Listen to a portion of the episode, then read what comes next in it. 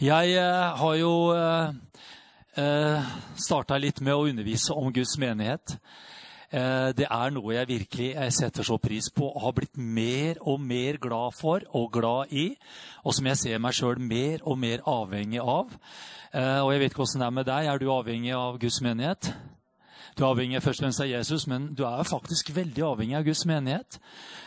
Og i dag så har jeg lyst til å dele med deg noe som jeg opplever er et profetisk ord i denne tida her. Eh, som har med menighet å gjøre, som har med deg å gjøre, som har med oss alle å gjøre. Eh, jeg avslutta forrige møte nesten med å si dette her. Jeg har lyst til å si det også fordi at eh, det jeg skal dele i dag, bare viser Guds hjerte for generasjonene. Hvor viktig det er at vi har de minste Se på det lille som går ut døra der nå, knapt kan gå. Eh, til eh, Jeg skal ikke nevne navn, men de som er eh, vakre og flotte over 80 osv. Vet du hva? Gud har en menighet hvor alle generasjoner er tenkt å kunne være. Og vet du hva? Hvorfor det? Fordi det er Gud så på hjertet hjerte at uh, vi skal stå sammen på tvers av uh, generasjoner og på tvers av, uh, av si, kjønn og, og, og, yrke og alt mulig. Vet du hva? Vi trenger hverandre. Jeg må bare si en ting. Jeg er så takknemlig for Henning. Han utfyller noe i meg som jeg ikke har. Jeg er så takknemlig for Jan Helge. Han har noe på sitt liv som ikke jeg har. Jeg er så takknemlig til Jarl, som utfyller veldig mye av det jeg ikke har. Eh, og vet du hva? Vi er satt sammen. altså. Det er som denne Nehemia-muren. Vi står skulder til skulder og bygger noe. Og vi er veldig avhengig av Gud, men vi er veldig avhengig av hverandre. I en flergenerasjonsmenighet som vi er, er alle mennesker like viktige. Men hør på det her. Men for hver generasjon er den neste generasjonen den viktigste. Om vi kan ha det hjertet om at neste generasjon er den viktigste. Amen. Ja, du er viktig, vi er alle viktige. Men eh, at vi tenker slik, da, da skaper vi rom for også forandring det jeg skal dele litt om i dag Først så må jeg si det er verdt. Altså, Jeg er så takknemlig at jeg hadde tid og mulighet denne helga. Og jeg har switcha mellom to kanaler, for det har vært så mye bra på Kanal 10 og Visjon Norge. Jeg må bare si, dere som ikke har fått med dere det, gå inn i ettertid og se på, på konferansen i Saltkirken i Bergen. Eh, der har de preka veldig mye om det som ligger på mitt hjerte nå, om menighet, om generasjoner og gi videre også, osv. Fantastiske prekener der. Og mannskonferansen i Vennesla med en vidunderlig lovsang som bare bringer himmelen ned, og fantastiske, herlige prekener der, som ikke bare gjelder menn, men som er for hele Guds folk der. Dennis Greenwich er på, på nå i formiddag. Eh, om ikke du har satt den på opptak, så gå inn og se. Det har vært veldig bra. Jeg har vært så oppbygd i helga. også. Det er så bra at du liksom sitter der, vet ikke helt hvilke de gikk jo samtidig. Måtte ta litt opp her og ta litt opp der. Veldig mye bra, altså. Så uh, veldig takknemlig for det. Så det må du se på. Men uh, det jeg har lyst til å dele med deg litt om nå, det er det som står i Malakia 4, 5 og 6. Og du som er litt kjent i Bibelen, da vet du at det er snakk om det her med å vende fedrenes hjerte til barna. Og eh, det er veldig vanskelig for fedre å vende sitt hjerte til eh, noe som eventuelt ikke er, nemlig barn. Eh, det må være noen barn til for at fedrene kan kunne eh, vende sine hjerter til, til de. Og Derfor så bare understreker det enda viktigheten av det. Gud i himmelen, vet du hva? Vi trenger alle generasjoner til alle tider i din menighet. Eh, som åndelige mødre og fedre så ønsker vi ikke bare å gi den neste generasjonen det beste vi har, men så kommer det noe. Men vi tar det verste de har. Er vi villige til det? Ikke bare at du skal gi det beste du har, men er du villig til å ta det verste de har? Ja, tenk litt på den. Å Gud, ta, la de ta min visdom, og la de høre mine meninger, og la de forstå hvor viktig det er at vi må gjøre det på den måten, Gud, og at de bare lytter og underordner seg, og at de bare aksepterer det og bare tar det. Ja, amen. Men så skal vi ta også alt det andre. Amen. Det er veldig, veldig viktig. Og så sa jeg også det sist. Jeg tror det er veldig viktig at den nye generasjonen velger å hedre og respektere og være takknemlige og lære av den etablerte generasjonen. Men det er vi det er min, altså Plutselig så ser jeg nå at det er jo min generasjon. Det er vi som sitter med makta. Det er vi som sitter med styrepinnen. vet du hva? Det er et stort ansvar. Vet du hva? Jeg skal være en røst for de som ikke taler her. Jeg skal være en røst for barna som nå er nede, for ungdommen. De, de har ikke den eh, si, gjennomføringskraften som det min generasjon og det jeg har. Det er et veldig ansvar. vet du hva? Jeg er satt her for å også være deres røst og tale deres sak. Amen. Er veldig veldig viktig, og det ligger veldig på Guds hjerte. Og jeg kjenner det som en, eh, en, eh, et stort ansvar. Skal vi slå opp i Malakia? Da har jeg bare lyst til å ta fram eh, første delen av vers 1 i Malakia 3. Der står det enkelt Se, jeg sender min budbærer. Han skal rydde vei foran meg. Bare husk disse versa. Eh, vi skal sy, sy det ved Den hellige ånds hjelp litt sånn sammen her på slutten. Så går vi over til Malakia 4 og vers 4. Husk loven jeg ga Moses, min tjener på Horeb, for hele Israel, med forskrifter og bud. Se, jeg sender profeten Elia til dere før Herrens dag kommer, den store og skremmende. Og så kommer det Han skal vende fedrenes hjerter til barna og barnas hjerter til fedrene, så jeg ikke skal komme og slå landet med bann. Halleluja. Og det står da i Amplified, det samme verset der, i, i vers 6. Eh, Han skal vende om og forsone de fremmedgjorte fedrenes hjerter med de ugudelige barna og de opprørske barnas hjerter til deres fedres fromhet. En forsoning frembrakt ved omvendelse fra de ugudelige. At jeg ikke kommer og slår landet med en forbannelse og et forbud, mot total ødeleggelse. Du ser Situasjonen er i utgangspunktet litt vanskelig. Det er, eh, det er, ting som må forandres, det er ting som må omvendes for at Guds vilje og Guds plan skal bryte fram. Og så kan vi tenke det var på den tida der, men hva med i dag? Jo, vi skal se, vet du hva? Det er akkurat det samme som må skje, og som skal skje i den tida vi lever. For vi lever i den tida som Malakia snakker om her. Det er jeg helt overbevist om. Jeg har gått, eh, jeg har gått så mye rundt og sagt, og jeg snakka med Gud og sagt, 'Gud, hva innebærer dette her?' Jeg bare kjenner dette dette er ord i vår tid, i denne tid, så er dette noe profetisk du ønsker å dele med oss. Så jeg har hatt noen eh, gode samtaler med Herren og spurt veldig mye. Gud, hva er det du mener? Hva er det disse orda sier for oss i dag? Og det starter jo med fedrenes hjerter, da. At det legges en villighet ned i hjertene deres så kommer den responsen tilbake fra barna. Og jeg har lyst til å si med en gang at når jeg snakker om barn, så er det ikke bare barn i forhold til alder. Men vi er jo alle Guds barn, er vi ikke det?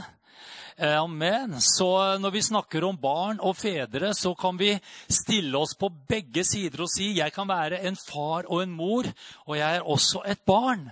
Og så står det også om disse som, eh, som bare ikke tåler fast føde. Barn tåler jo ikke fast føde. De skal jo helst ha flytende føde fram til en viss alder. Men det fins kristne som er som småbarn i Kristus, står det.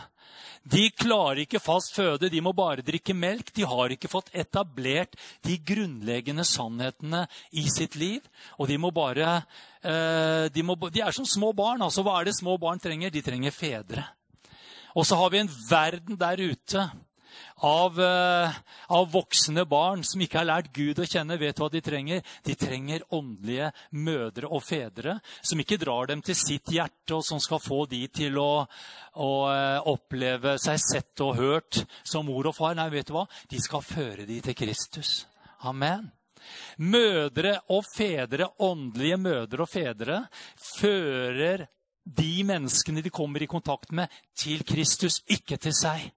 Hør på mine glupe meninger, hør på min gode visdom. Applauder meg og elsk meg. Nei, vet du hva? De fører det inn for tronen. Amen. Derfor er det så viktig at vi er fri fra oss sjøl. Fordi at vi er ikke skapt til å få en liten disippelskare og en heiagjeng som går der og bekrefter vår tjeneste og vår åndelighet. Nei, vet du hva? Vi skal føre de inn i nærværet av den hellige, allmektige Gud. Amen. Halleluja. Så når jeg snakker om barn, så er det i ulike og flere kategorier.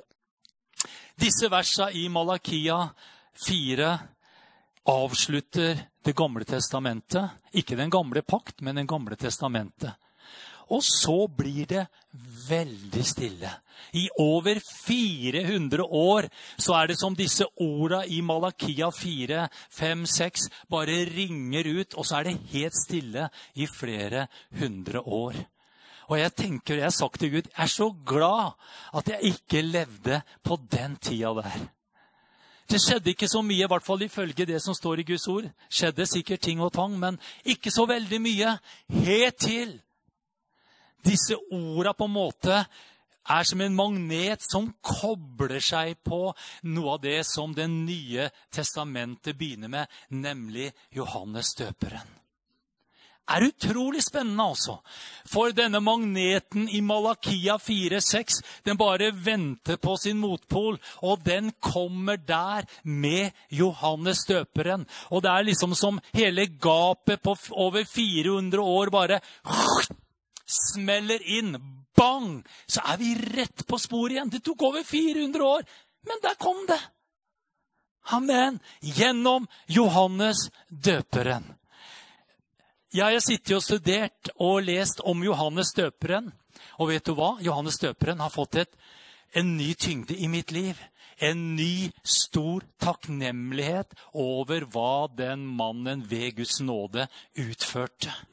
For Johannes døperen var ikke bare en spesiell, rar, litt sånn eh, dommedagsprofet ute i en ørken, så rar ut og spiste rar mat. Vet du hva? Han hadde en helt essensiell, viktig oppgave for at Jesus skulle få utføre sin oppgave. Vet du hva? Jeg bare kjenner Takk, Gud. Hvilken respekt, hvilken, hvilken kraft, hvilken hvilken ånd som, eh, som var der eh, med, med, døperen Johannes. Kan lese litt i Lukas evangelium, kapittel 1. Han hadde jo en mor og far, Zakaria og Elisabeth. Det var litt sånn som Abraham og Sara. De hadde jo blitt ganske gamle. Og det virka som det var eh, litt ørken. Der hun hadde ikke fått noe barn og var blitt kommet opp i en viss alder som gjorde at det var vanskelig. Så står det i vers 13.: Men engelen sa til ham, frykt ikke, Zakaria. Din bønn er blitt hørt. Din kone Elisabeth skal føde deg en sønn, og du skal gi ham navnet Johannes. Han skal bli til glede og fryd for deg, og mange skal glede seg over at han er født. Vi gleder oss til og med den dag i dag over at han ble født. For han skal være stor for Herren, og han skal verken drikke vin eller sterk drikk. Han skal også være fylt med Den hellige ånd, helt fra han er i mors liv. Og så kommer det Og han skal omvende mange av Israels barn til Herren deres Gud. Så står det han skal gå foran ham i Elias ånd og kraft og hvorfor skal han gjøre det? For å vende fedrenes hjerte til barna og de ulydige til de rettferdiges visdom eller sinnelag. I elveoversettelsen så står det 'gi de ulydige det sinn som rettferdige har'. Her snakker vi også om de ufrelste. For å gjøre i stand hva da?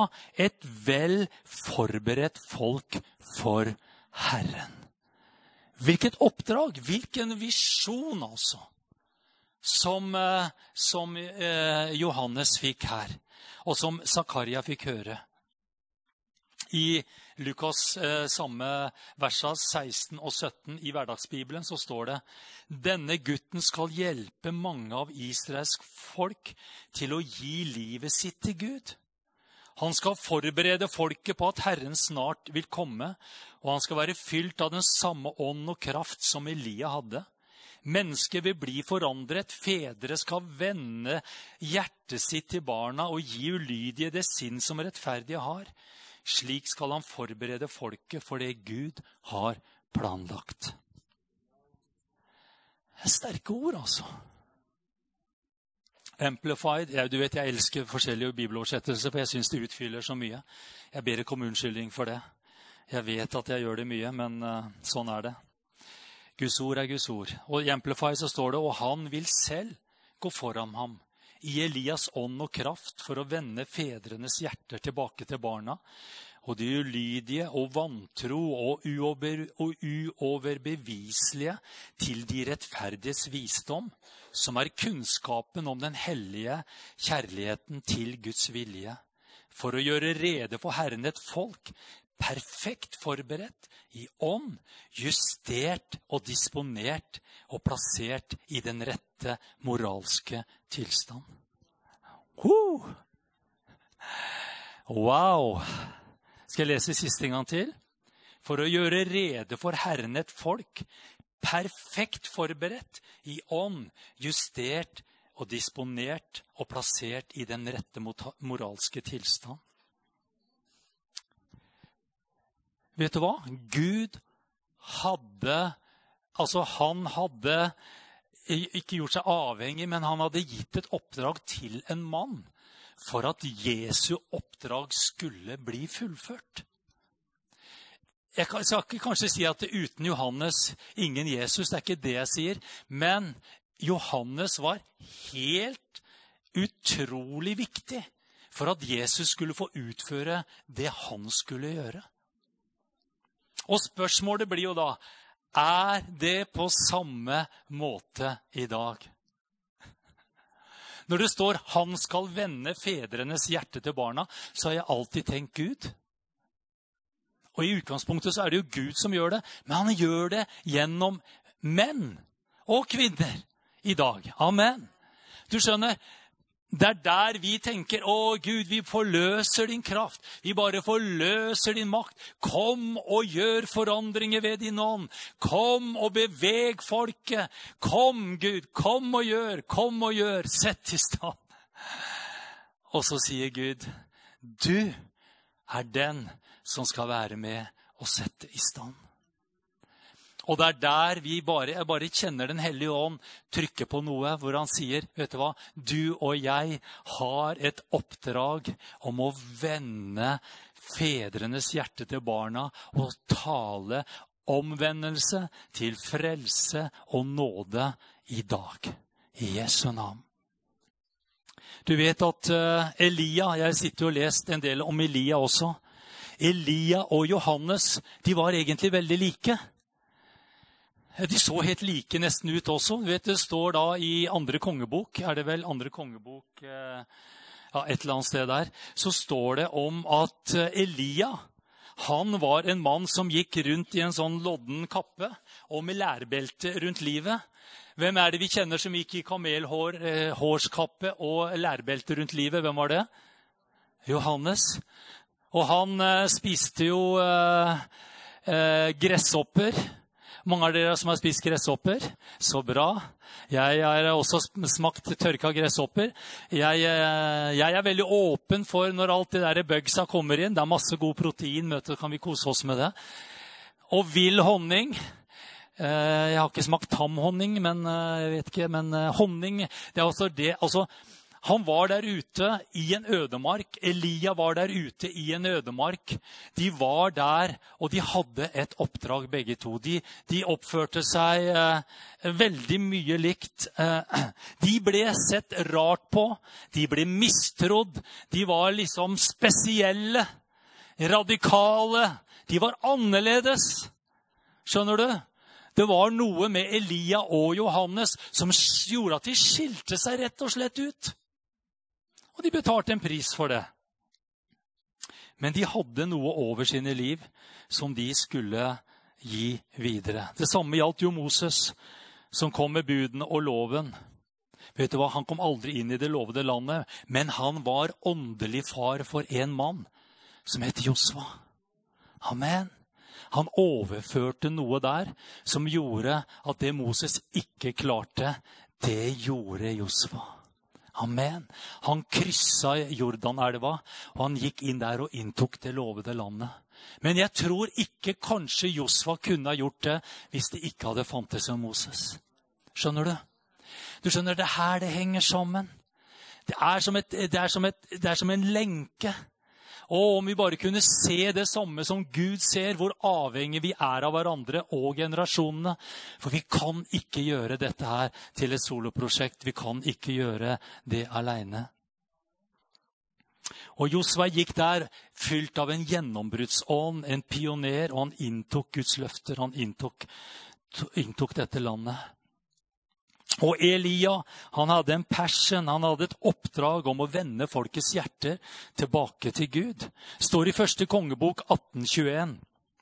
Elia trådte framfor hele folket og sa og Det var da han var oppe på dette Karmelfjellet vet du, og hadde utfordra disse Baal-profetene.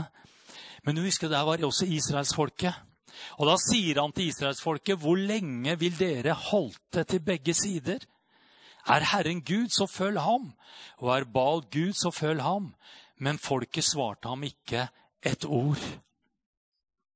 Og så går vi til vers 37. Så ber Elia denne sterke bønnen.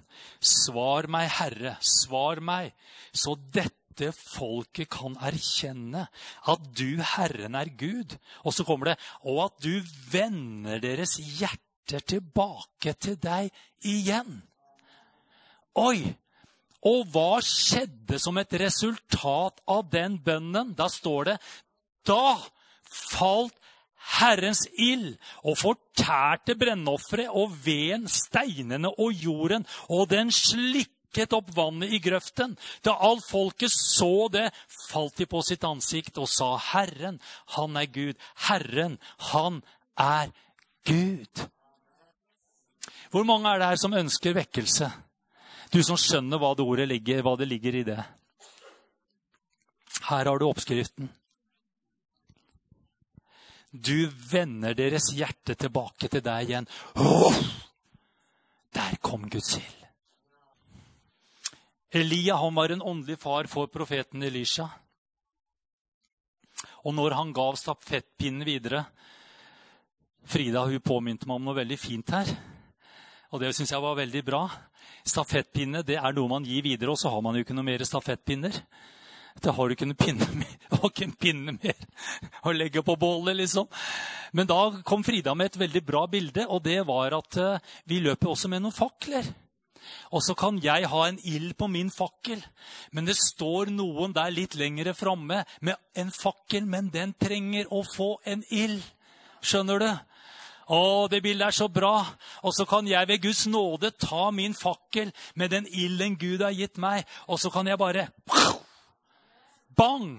Og I det momentet den ilden gis videre, så kan den personen begynne å løpe og gi den ilden videre til neste. Og jeg håper å si neste generasjon. Det er sånn det funker. Takk for et herlig bra bilde. Kjente Gud var i det. Så bra! Amen! Vet du hva? Vi har noen fakler, dere. Med noen ild. Og du tenker ja, det er så lite, det er så uunnselig. Nei, vet du hva? Gud har gitt deg en fakkel med en ild. Og det er noen som trenger den ilden. Det er noen som trenger den stafettpinnen. Det er noen som trenger å få en berøring av det du har i ditt liv. Det er noen som trenger en mann og kvinne å møte, slik at de kan vende om i sine hjerter. Men da må fedrene og mødrene, som allerede har den ilden, vende sine hjerter til disse barna. Amen. Da er det noe som bare skjer. Det er, det no, altså det er ikke hokus pokus. Det er noen åndelige lover som begynner å tre i kraft. Da skjer det noe i disse barnas hjerter. De vender om til disse fedrene og mødrene. Fordi at deres hjerter er strekt ut til dem. Amen. Og når jeg snakker om barn, så skjønner du hva jeg snakker om nå. Det er både ufrelste, det er småbarn i Kristus. Det har ingenting med alder å gjøre. Det har noe med modenhet i Gud å gjøre. Å, takk, Jesus. Og min drøm er at når, vi, når jeg får lov til ved Guds nåde å tenne en fakkel, når du er med å tenne noen fakler, så var det en sånn frimodighet over denne disippelen, denne lærerjungen, denne læregutten Elija. Og han sa, Eli, Elia, ikke bare vil jeg ha din flamme, men jeg vil ha dobbelt del. Jeg vil ha en dobbel flamme. En større, en sterkere flamme. Han sa, jeg vil ha en, gi meg en dobbel del av din ånd. En dobbel del, så jeg kan løpe enda lenger, enda sterkere. Å, jeg er så glad for Elias sa nei, det jeg har fått, det er så spesielt. Den kappen som er over mitt liv, don't touch the holy one. Å, jeg er så hellig, jeg er så spesiell, så jeg må bare, bare gå her, bare se. Hold, hold litt avstand, ikke kom for nær, jeg er veldig hellig. Nei, vet du hva? Han sa, 'Hold deg tett ved meg', sa han. For det kommer til å skje den dagen jeg går opp og farer like inn i, i evigheten. Så må du være tett på, for da får du det. Halleluja. Da får du det. Det var en Josva som gikk ut i Jordan, og Gud stoppa hele den elva. Men vet du hva? Det var to profeter også, Elia og Elijah, som gikk og kryssa den samme elva. Han slo med kappa si, og det bare delte seg, og de gikk over på det tørre land. Du skjønner, Det er så mange ting som henger så godt sammen i Guds ord. Jeg kunne snakka om Moses og Elia også, på åpenbaringsfjellet. Det er så utrolig mange nydelige nyanser som bare understreker viktigheten av det jeg sier nå. Jeg skal ikke gå inn på det. Men vet du hva? Og når eh, Elisha hadde fått denne kappen, vet du han med frimodighet gjorde da? Han tok den samme kappen og slo på Jordanelva, og han gikk tørrskodd over. Halleluja! Og der hadde han fått del av en dobbel ånd, en dobbel salvelse, en dobbel kraft, en dobbel ild! Og det er det som er min bønn. Gud i himmelen. Når vi tenner fakler, når vi gir videre, når vi er åndelige mødre og fedre, la vår bønn være. La de løpe lenger. La de få dobbelt, trippel, hundrefold mer. De kommer til å trenge det, Gud, i den tida som ligger foran. Og de kommer til å trenge noen pilarer og støtter som står der og er klare til å ta det imot. Å, Jesus. Og vet du hva? Det som er alvorligheten i budskapet, det er at Jesus er veldig avhengig av at dette skjer før han kommer tilbake på ny. Det er alvoret. Vi kan be om vekkelse til vi mister stemme, munn og mæle. Men det er i det hjerter omvender seg. Hjertet vender seg. Da ser Gud en mulighet til å sende sitt regn til å sende sin ild. Å, Jesus. Det har vært nødvendig i alle generasjoner at det har vært menn og kvinner som har vært villige til å være åndelige mødre og fedre. Vet du hva? Eh, jeg har hatt og har men mye har også hatt mine åndelige mødre og fedre. Jeg kunne ramse opp flere. Jeg har lyst til å bare nevne noen. To stykker. Og vet du hva? Det er ikke de menneskene som jeg vil kalle kamerater eller venner eller veldig nære på mitt liv. Men det er mennesker som jeg vet har stått der, og som jeg kan ta en telefon til når som helst, og som backer meg, og som taler sannhet, og som bare rettleder meg, og som er som en åndelig mentorcoach inn i mitt liv. Vet du hva? Willy Dalsgaas, han er en av mine åndelige fedre. Det kan gå veldig lenge mellom jeg prater med han. I en periode av mitt liv når jeg gikk inn som pastor, så var vi tett på. Og vet du hva? Noe av det viktigste han gjorde, det var å oppmuntre meg, backe meg, gi av sin visdom. Og det kanskje viktigste han var en trygghet. Jeg visste at var det noe, så kunne jeg prate med Willy. Og han var der for meg. Gud velsigne den mannen. Jeg sier, hadde menigheten ant hvor viktig Willy Dalskolds var for denne da, den gangen litt unge, skjelvende, uerfarne pastor, du skulle ha visst. Det var ikke det at jeg ringte han opp og ned og sleit han ut, men jeg bare visste han var der. Skjønner du? Og jeg visste, og han tok noen ganger og ringte meg og sa vet du hva, nå bare kjenner jeg Gud har talt noe. Jeg har lyst til å tale deg. Du får kjenne etter, Runar, eh, om det er Gud eller ikke. Så bare sa han noen sånne ord. Jeg bare kjente åh, åh, åh, der, der, der er det. Å ja, takk. Å ja, ja, nå ser jeg det. Takk skal du ha. Ja, det skal jeg gjøre. Å, det er Gud. Det er Gud. Å, det var redning, vet du. Men han var det. Han backa meg. Han støtta meg. Han oppmuntra meg, og jeg visste at han hadde tid for meg. Så har jeg en åndelig mor. Hun het tidligere Elisabeth Lie. Nå heter hun Elisabeth Wahl. Oi, oi, oi. Det var hun som preka den dagen jeg gikk fram og ble åndsdøpt. Jeg skjønte ikke noe av det hun sa. Snakka om en lysestak, og det fløyt oljer ut og inn og fram og tilbake. Og, jeg fatta absolutt ingenting av det hun sa. Eh, men det hun underviste om, det var jo tjenestegavene. Jeg hadde ikke peiling. Det var eh, olje her, og det fleit der, og det var noe Og det var veldig mye. Men på det møtet du vet Noen ganger så kan du sitte og du skjønner ikke noen ting. Og det skjønner Gud at ikke du skjønner. Men det han skjønner, det er at han ved sin ånd kan komme inn bak din, eh, din, hjerne og ditt sinn og dine mestringer. Han går like inn i hjertet. Og jeg satt på det møtet. Og en lang historie for, ikke, for det har jeg talt mange om. I det møtet så gikk jeg fram og ble åndsdøpt, fylt av Den hellige ånd. Og vet du hva? Da var Elisabeth så viktig for meg. Og henne ringte jeg ganske mye. altså. Som jeg har sagt, Hun jobba jo nattevakt, så jeg ikke jeg fikk sove på natta, så ringte jeg Elisabeth. Hun er nattevakt. Og jeg sa nå er jeg inne i Salme 63. Hva betyr det? Og hva betyr det? Og hva betyr det? Og hva betyr det? Og hva, hva, hvorfor gjør det sånn? Og så sa jeg til henne hvorfor er jeg mye mer opptatt av Den hellige enn av Jesus? Jeg får så dårlig samvittighet. Er jeg på feil plass?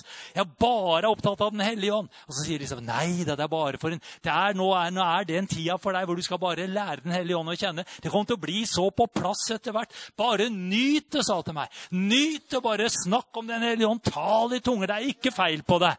Og jeg ble så betrygga. Når Elisabeth sier at ikke det er farlig, når Elisabeth sier at det er greit, da er det greit, altså. Hun ba for meg. Hun satte meg fri. Jeg husker spesielt en forbønnssesjon hvor hun bare satte meg fri. altså. Kjente det var ting som bare forsvant ifra meg. Bare utøvde åndelig autoritet. Og så kjente jeg at eh, jeg jo veldig man blir jo veldig avhengig av disse mødrene og fedrene. Og så sa jeg til Elisabeth å, vi må be mer sammen. Vi må bare, jeg bare kjenner jeg blir så fylt. Og sånn og sånn. Og så sa hun, vet du hva? Nå tror jeg vår tid begynner å nærme seg en ny sesong. Nå tror jeg jeg skal trekke meg litt mer tilbake. For jeg tror ikke det er helt greit at vi to skal be så veldig mye sammen sånn. Det skal du gjøre med andre. Jeg er der, og jeg er der for deg. Men nå kjenner jeg nå skal du ut. Nå skal du gå nye steg i tro med Gud. Det er sånn mødre gjør. vet du. Istedenfor å si klam, bli sånn tett klam, sånn, sånn der upassende greie. ikke sant, som bare, Nei, vet du hva? Sa at nå skal du gå videre med Herren. Det er sånn som foreldre gjør. vet Du Du sitter ikke der og, og gir tåteflaske til sønnen din på 18 år. Du sier nå må du reise deg opp, nå er det tid å gå. Du er en mann. Gå videre. Skjønner du? Sånn er det. Og sånn er disse åndelige mødrene og fedrene. De fører de til Kristus for at de skal finne en modenhet som gjør at de kan begynne å ta nye steg i tro. Amen. Det er sunt, skjønner du. Men Elisabeth har kommet inn i mitt liv på viktige veier. Viktige veiskiller. Har ikke sagt noen ting. Plutselig så har jeg fått en telefon. Du, Runar, nå har jeg blitt så veldig minnet om det her. Vært i bønn, og så bare kjenner jeg at det nå sånn og sånn. 2016, Elisabeth Lie Wahl bare kom inn og bare stadfesta, konfirmerte, oppmuntra, backa meg nok en gang. Amen.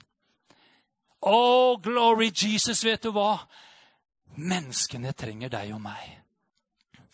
Far min han er veldig tydelig på det. Han reiste jo som predikant på så å si hele 70-tallet. Han var veldig tydelig på det. 'Jeg har en åndelig far', sa han. Hans navn er Knut Berg. Er det noen som husker Knut Berg fra Pinserøysla? Kan jeg se dere over der? Er det noen? Ja, så flott. Jeg husker fra min barndom at det, det var ikke det hjemmet vi rant mest ned. Det var ikke der vi var oftest. Men vet du hva? For min far så var Knut Berg en åndelig far som gjorde at der kunne han lytte inn ting. Der kunne han samtale om åndelige spørsmål. Der fikk han råd, veiledning og kunnskap. Skjønner du? Så når jeg sier åndelige mødre og fedre, så er det ikke sånn at du skal gi hele ditt liv inn, og du skal følge opp 24-7, skifte bleier. og Det kan være en periode hvor du må gjøre litt sånn intensivt. Men vet du hva? Det er at du reiser opp menn og kvinner til å begynne å spise fast føde. Og du står der i ryggen på dem og heier på dem og sier 'Jeg er for deg'. 'Jeg står med deg'. 'Jeg er her for deg'. Amen. Det er det de trenger. Ikke at du skal bruke 24-7 med et menneske. liksom bare sånn, Det er slitsomt. Jeg kan bare ha én unge.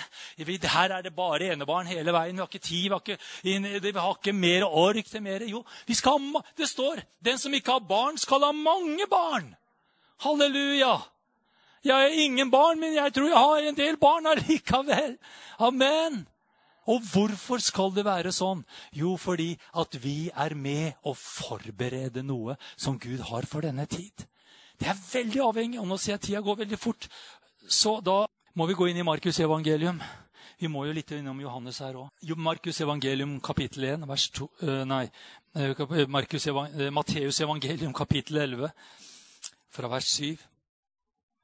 Da de var godt, begynte Jesus å tale om Johannes til folkeskarene. Hva dro dere ut i ødemarken for å se? Et siv som svaier i vinden? Eller hva dro dere ut for å se? Et menneske kledd i fine klær? Og det har vi jo allerede avslørt at det var kanskje ikke siste fersen. Sannelig, de som bærer fine klær, er i kongenes hus. Men hva dro dere ut for å se? En profet? Ja, jeg sier dere, om mer enn en profet. Det er om ham dette er skrevet, se, jeg sender min budbærer foran deg. Han skal bane veien for deg. Sannelig sier jeg dere, blant dere, blant dem som er født av kvinner, er det ikke stått fram noen større enn døperen Johannes. Men den minste i himlenes rike er større enn ham. Og fra døperen Johannes dager og til nå trenger de seg inn i himlenes rike med makt, og de som trenger seg inn, river det til seg. For alle profetene og loven profeterte fram til Johannes. Og hvis dere da vil ta imot det Han er den Elia som skal komme. Den som har ører å høre med, han må høre. I Markus evangelium kapittel 1 vers 2 og 3 står det som det står skrevet hos profetene, se, jeg sender min budbærer foran ditt ansikt. Han skal bane din vei foran deg. Røsten av en som roper i ødemarken, forbered veien for Herren. Gjør hans stier rette. Lukas evangelium kapittel 3 og vers 3. Han gikk inn i hele området rundt Jordan og forkynte omvendelsens dåp til syndenes tilgivelse, slik det er skrevet i boken som med profeten Jesajas ord, der han sier:" Røsten av en som roper i ødemarken, rydd Herrens vei, gjør hans stier rette. Hver dal skal bli fylt, og hvert fjell og hver haug senket. De krokete steder skal gjøres rette, og de ujevne veier skal gjøres jevne. Og alle mennesker skal se Guds frelse. Legg merke til det. Hva er resultatet? Hva er målet? Alle mennesker skal se Guds frelse. Lukas evangelium kapittel 1 vers 76. Og du barn skal kalles den høyestes profet, for du skal gå foran Herrens ansikt for å rydde hans veier, for å gi hans folk kunnskap om frelse ved tilgivelse for deres synder, ved vår Guds inderlige barmhjertighet. Er det viktig? Yes! Ved dette har solokam fra det høye gjestet oss for å gi lys til dem som sitter i mørket og dødssyke, for å lede våre føtter inn på fredens vei. Barnet, altså Johannes, vokste opp og ble, en, og ble sterk i ånden, og han var i ørkenen til den dagen han skulle bli ført fram for Israel. Han hadde jo også en gjenopprettende tjeneste. Halleluja. Å, takk, Jesus. Det står i 1. Korinterbrevet eh, kapittel 4 vers 15. Selv om dere måtte ha 10 000 veiledere eller lærere i Kristus, har dere likevel ikke mange fedre. For i Kristus Jesus er det jeg som har født dere ved evangeliet. Du vet, Johannes han var en gammeltestamentlig profet. Han døpte. Altså Dåpen var en ytre bekreftelse på en indre omvendelse. Og Jesus sa han også Jesus skulle komme også og døpe. Han skulle komme og døpe med hva da? Den hellige ånd og ild. Den hellige ånd og ild. Halleluja. Hvor mange er det som har opplevd å få Den hellige ånd. Nå snakker jeg ikke om tungetallet, men å bli født på ny ved Den hellige ånd. Mange, har, mange er det som har Guds ånd her? Amen. Veldig bra. Nå kan jeg pelle ut hvem som ikke er frelst, i hvert fall, om de ikke rakk opp hånda. Men vet du hva? Nå er det vår tur til å gå med denne samme ånd som var over Elia, og som var over Johannes. Det er det som er nøkkelen for å se det som Gud i sitt hjerte har for denne tid, før han kommer tilbake. Tenk om vi bare kunne ta Johannes bare og luke han ut. Og så bare si, 'Jesus, du Guds sønn' du allmektige Guds sønn, du bare klarer dette her veldig bra aleine. Du trenger ikke Johannes og alt det. Du bare kjører på Jesus. Men vet du hva? Det hadde det vært en mann som hadde gått føre. Han ble født uh, noen måneder før Jesus. Men han begynte en tjeneste der ute før Jesus i denne ørkenen. Hvor folket bare gikk all mass ut der for å høre om omvendelse, om Guds dom. Og det var, altså, det var, det var saftige saker, altså. Men skarene gikk ut der der, vet du hva? Når de hørte Johannes, så skjedde det en omvendelse i deres hjerter som gjorde det mulig at når Jesus entra arenaen, så var det et forberedt folk. Skjønner du? Jesus hadde på å si, slitt litt for det var ikke et forberedt noen ting. Men det var én mann i Elias ånd og kraft som gikk foran og bare vendte om på folkenes hjerter. Så når Jesus entra arenaen, så var de der forberedt. De hadde omvendt seg til sin Gud. Og det var jo noen som var så sinna på Johannes, skriftlærde, sadukeerne. Kongen var sinna på, på, Johannes fordi han hadde vært der og, og sagt imot giftermålet hans.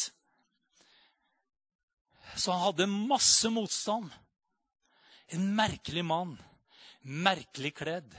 Spiser rare saker. Men det er noe attraktivt der likevel. Skjønner du? Det var noe der folket kjente.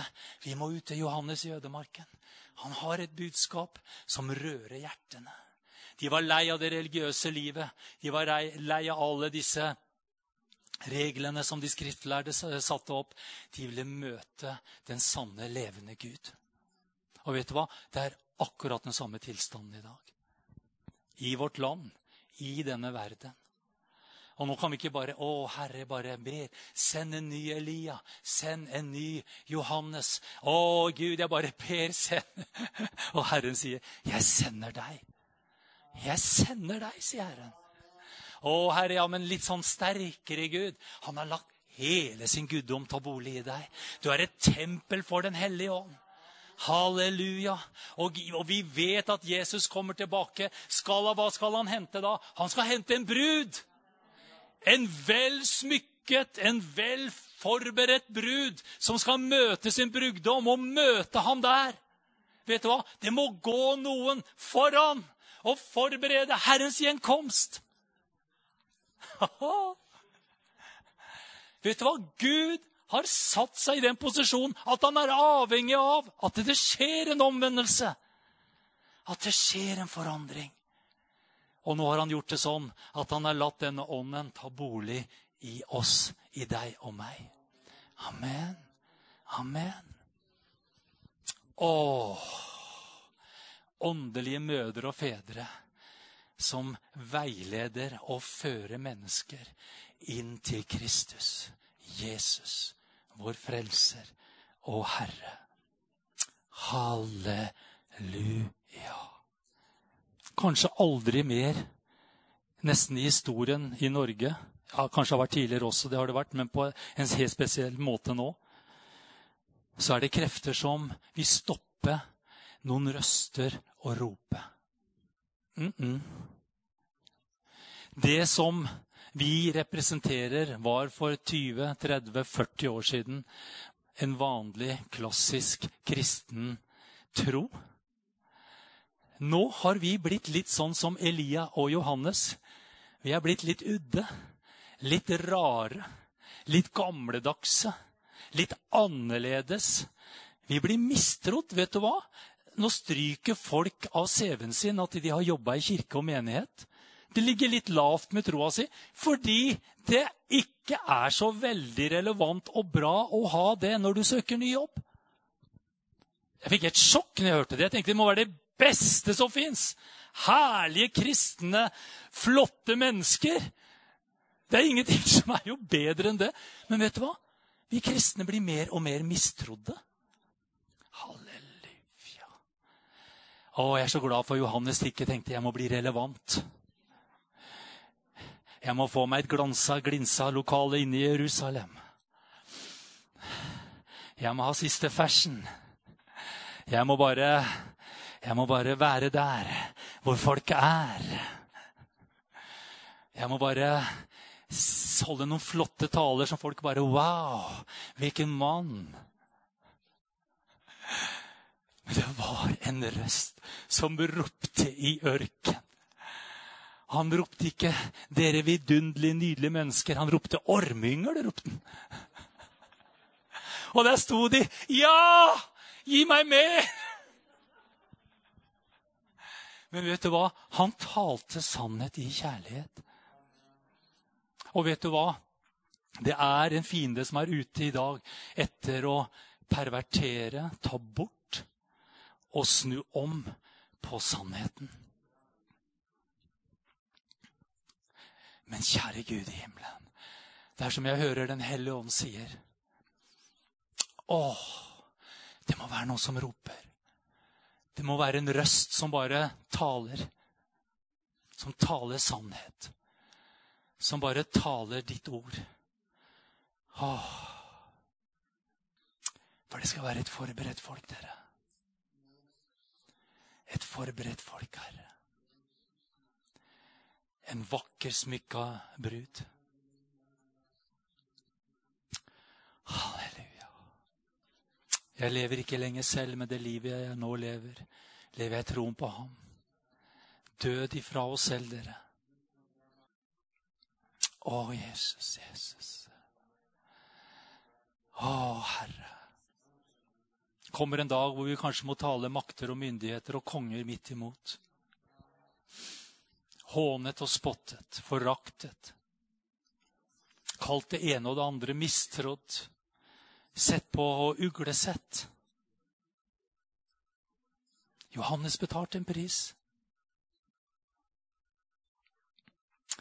Men han forberedte Jesu inntreden.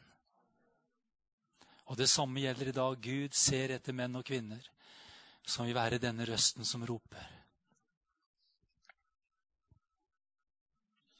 for at hans sønn enda en gang kan entre arenaen og komme tilbake til et vel forberedt folk. Åh, Elias sa, 'Herre, kom og vend disse hjertene til deg. Da falt ilden. Da falt Guds ild midt iblant det. Det er så mange farløse og barnløse og fedreløse der ute. Her inne, Gud. Vi bør ikke gå over eh, denne dørstokken engang.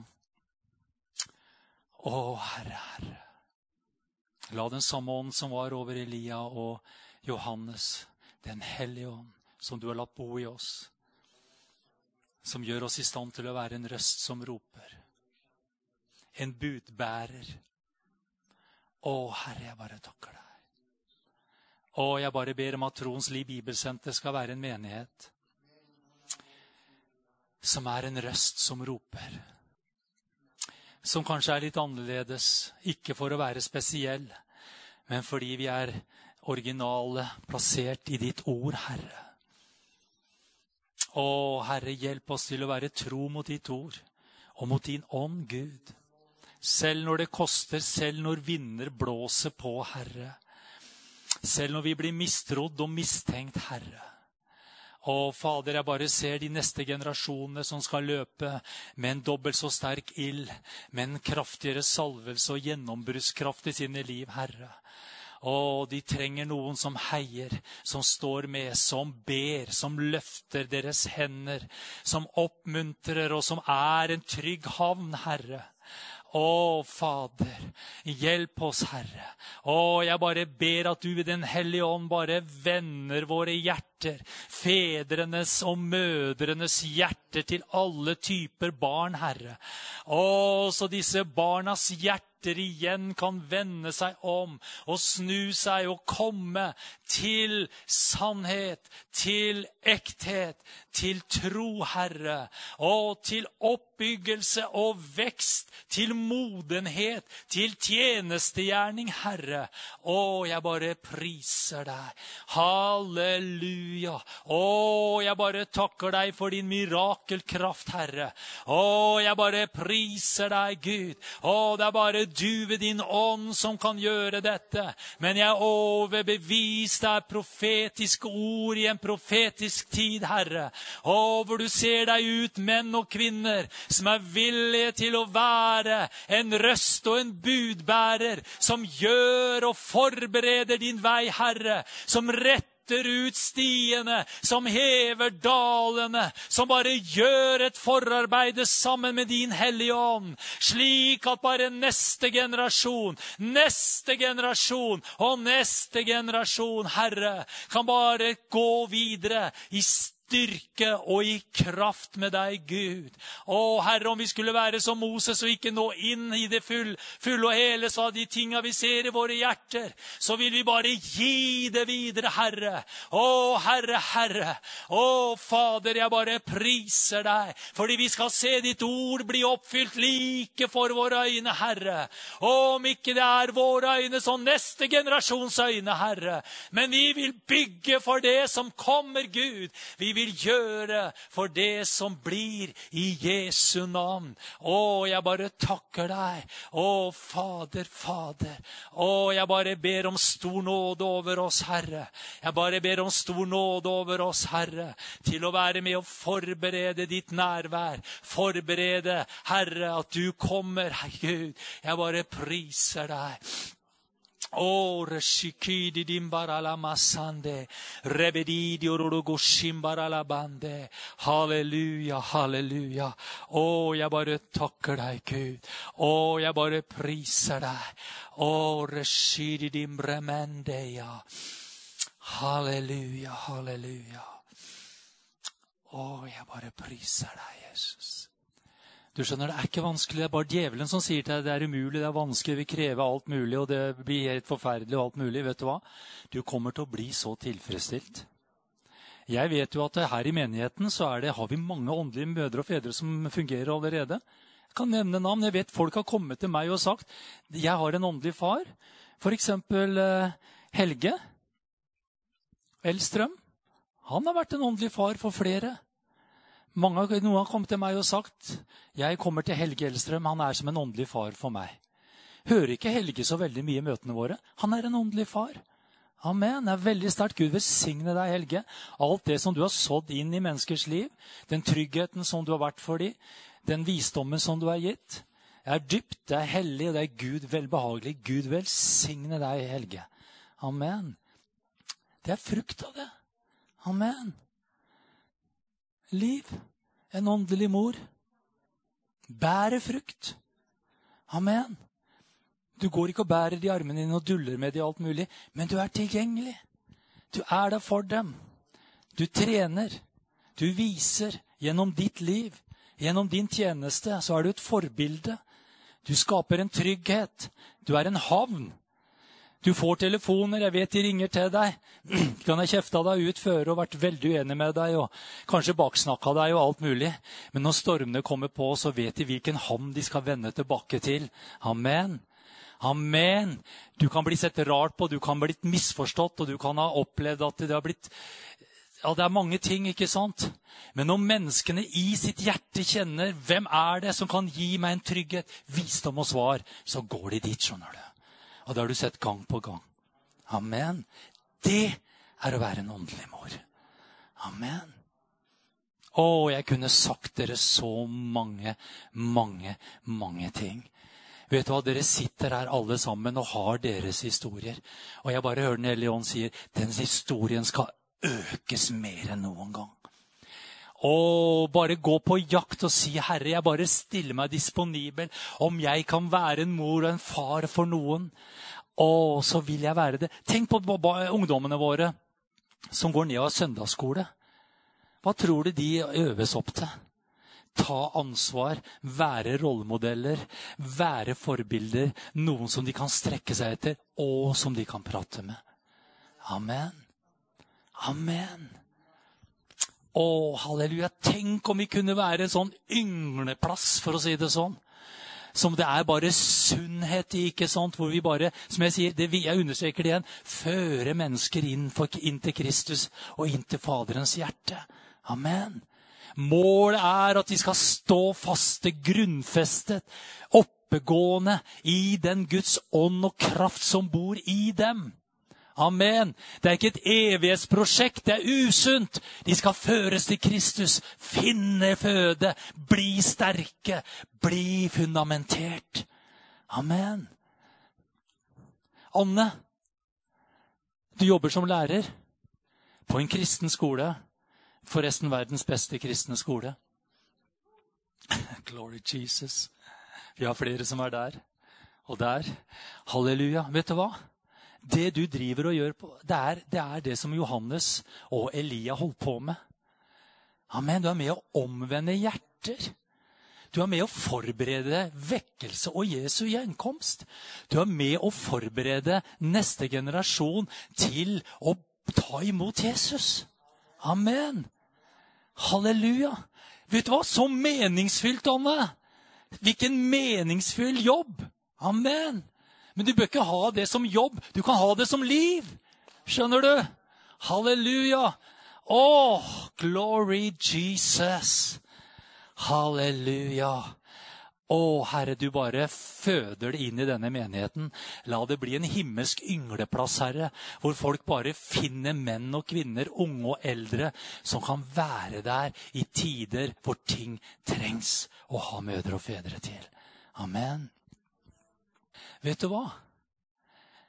Der sitter det noen fantastiske himmelske ressurser. For all del, la ikke det på si, ikke bli brukt. Sitter en Guds kvinne der. Har så mye fra himmelen. Så mye. Altså, bønnekvinne. Altså, Egentlig så skulle den ringeklokka til Mathilde den skulle ringt hele tida. Skulle bare sagt 'et lite øyeblikk, jeg må bare på toalettet først'.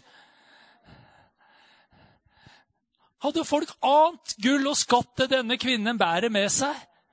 Hun kunne gitt deg så uendelig mye. Hun kunne backa deg opp i bønn. Hun kunne gitt deg visdom og Guds ord i rett tid. Ja, Det må komme en sterk eh, profet og bare et eller annet som bare ser noe sterkt og profeterer noe sterkt av meg.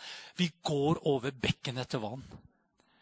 Eller som en sa her for ikke så lenge siden, vi går etter bekken etter vann. Men vet du hva? Her fins bekken, her fins kilden. Nå sier jeg ikke at du skal renne hun ned, det er ikke det jeg sier, men jeg bare bruker Mathilde som et eksempel.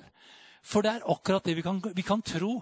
At ja, men Mathilde har kommet til en viss alder, nå er det sånn, og nå må hun slappe av. Tull og tøys!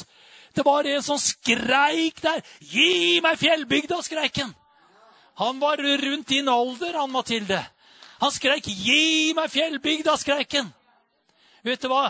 Mathilde, du kan skrike og rope og være den røsten, du også. Gi meg det, Herre! Gi meg det! Gi meg menn og kvinner, så jeg kan være med å omvende deres hjerter og stadfeste dem. Og grunnfeste dem. Amen. Halleluja. Her sitter de, vet du. Og sånn som det bare kom fram i dette budskapet òg, det er ingen andre kvalifikasjoner enn åpne og villige hjerter. Åpne og villige hjerter. Da kommer vi langt, altså. Amen. Oi, oi, oi. Jeg vet ikke om jeg fikk formidla det. Dette har levd så lenge i meg, så, så uh, Når jeg skulle skrive, jeg satt og skrev ned så tenkte jeg at dette er jo bare hulter til bulter. Og helt uh, merkelig. Men uh, lytt inn hjertet i det, i hvert fall. Og bare kjenn i Den hellige ånd at dette er et profetisk budskap i en profetisk tid. Og jeg har veldig tro på det. altså. Jeg tror at det skal vi se vekst, at ting fundamenteres. Jeg er veldig glad for eh, nye verktøy som vi også får inn her, som dette evangeliserende disippelskap, eller disippelgjørende evangelisering, er det det heter? Eh, som er et veldig herlig verktøy for oss, som gjør at vi kan sette oss ned med mennesker og samtale om Guds ord. Jeg kommer til å sikkert høre mer om det. Det er, det, er, uh, det er, så mye verktøy der ute som gjør at ikke du bør finne opp kruttet på nytt. Men mennesker, som Truls Åkerlund alltid har sagt, de trenger ikke først og fremst noe. De trenger noen. Ja. De trenger ikke bare et nytt opplegg eller en ny greie. De trenger noen. De trenger deg. De trenger meg. Det er det de trenger. Halleluja. Takk for en fin og herlig søndag sammen. Gud velsigne dere. Ha en vidunderlig uke i Jesu navn.